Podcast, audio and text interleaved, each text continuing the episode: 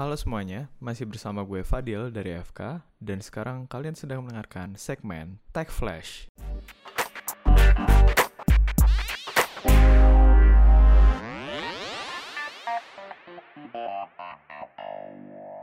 Vivo resmi meluncurkan Vivo V17 Pro di Indonesia. Model terbaru dari lini ponsel V series Vivo yang baru saja diluncurkan ini mengunggulkan dual kamera pop-up selfie yang terdiri dari kamera 32 megapiksel untuk selfie reguler dan kamera wide 8 megapiksel 105 derajat. Selain itu, Vivo menjamin ketahanan kamera pop-up-nya yang mampu bertahan hingga 10 tahun penggunaan dan mampu menopang bobot 40 kg.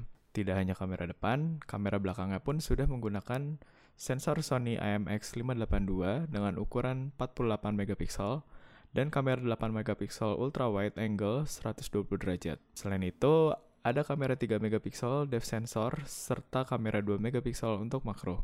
Layar pada Vivo V17 Pro menggunakan panel Super AMOLED tanpa notch dengan bentang layar 6,44 inci. Dapur pacu pada Vivo V17 Pro juga cukup mumpuni dengan menggunakan Snapdragon 675 dengan AI Engine, RAM sebesar 8 GB dan internal memori sebesar 128 GB. Baterai pada Vivo V17 Pro berkapasitas 4100 mAh dengan kemampuan dual engine fast charging, serta sistem operasi yang digunakan adalah Vantage OS versi 9.1 yang berbasis pada Android 9 Pie. Vivo V17 Pro sudah bisa dipesan melalui pre-order di Mitra e-commerce sejak 23 September sampai dengan 30 September 2019 dengan harga yang dibanderol Rp5.699.000.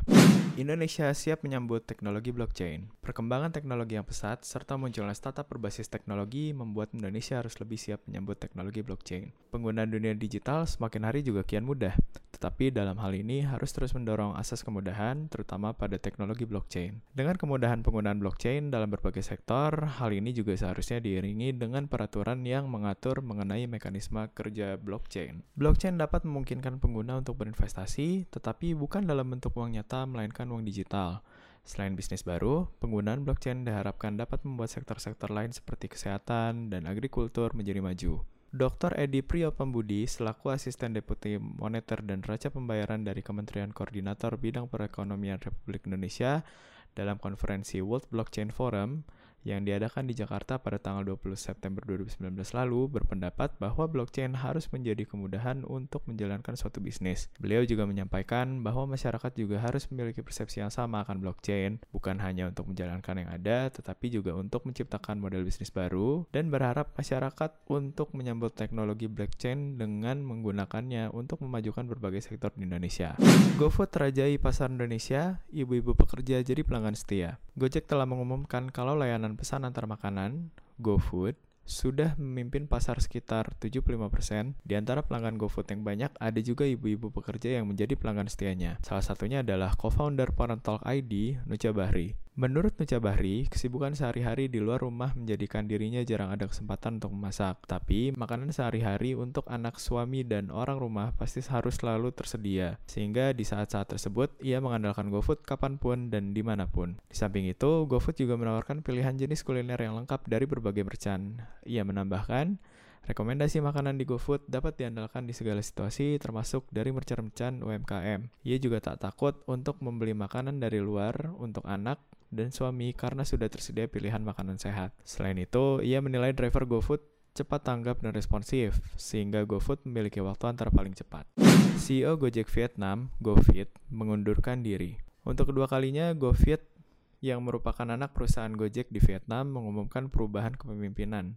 CEO GoFit, Le Dip Q Trang atau Christy Le, mengundurkan diri setelah lima bulan memimpin perusahaan tersebut. Christie akan mundur dari pucuk kepemimpinan GoFit terhitung awal bulan Oktober mendatang. Christie menjabat sebagai CEO sejak April lalu setelah dua petinggi GoFit sebelumnya mengundurkan diri dari jabatan CEO dan CTO. Pihak GoFit mengatakan bahwa keputusan Christie dilatar belakangi oleh alasan pribadi, berbeda dengan dua petinggi sebelumnya yang dikabarkan mundur karena adanya konflik internal. Pihak GoFit hingga saat ini belum mengungkapkan siapa yang akan menepati posisi CEO setelah Christie mundur dari jabatannya. Oke, itu tadi berita untuk pekan ini. Fadila FK dulu, nanti kita ketemu lagi di minggu depan. Dadah!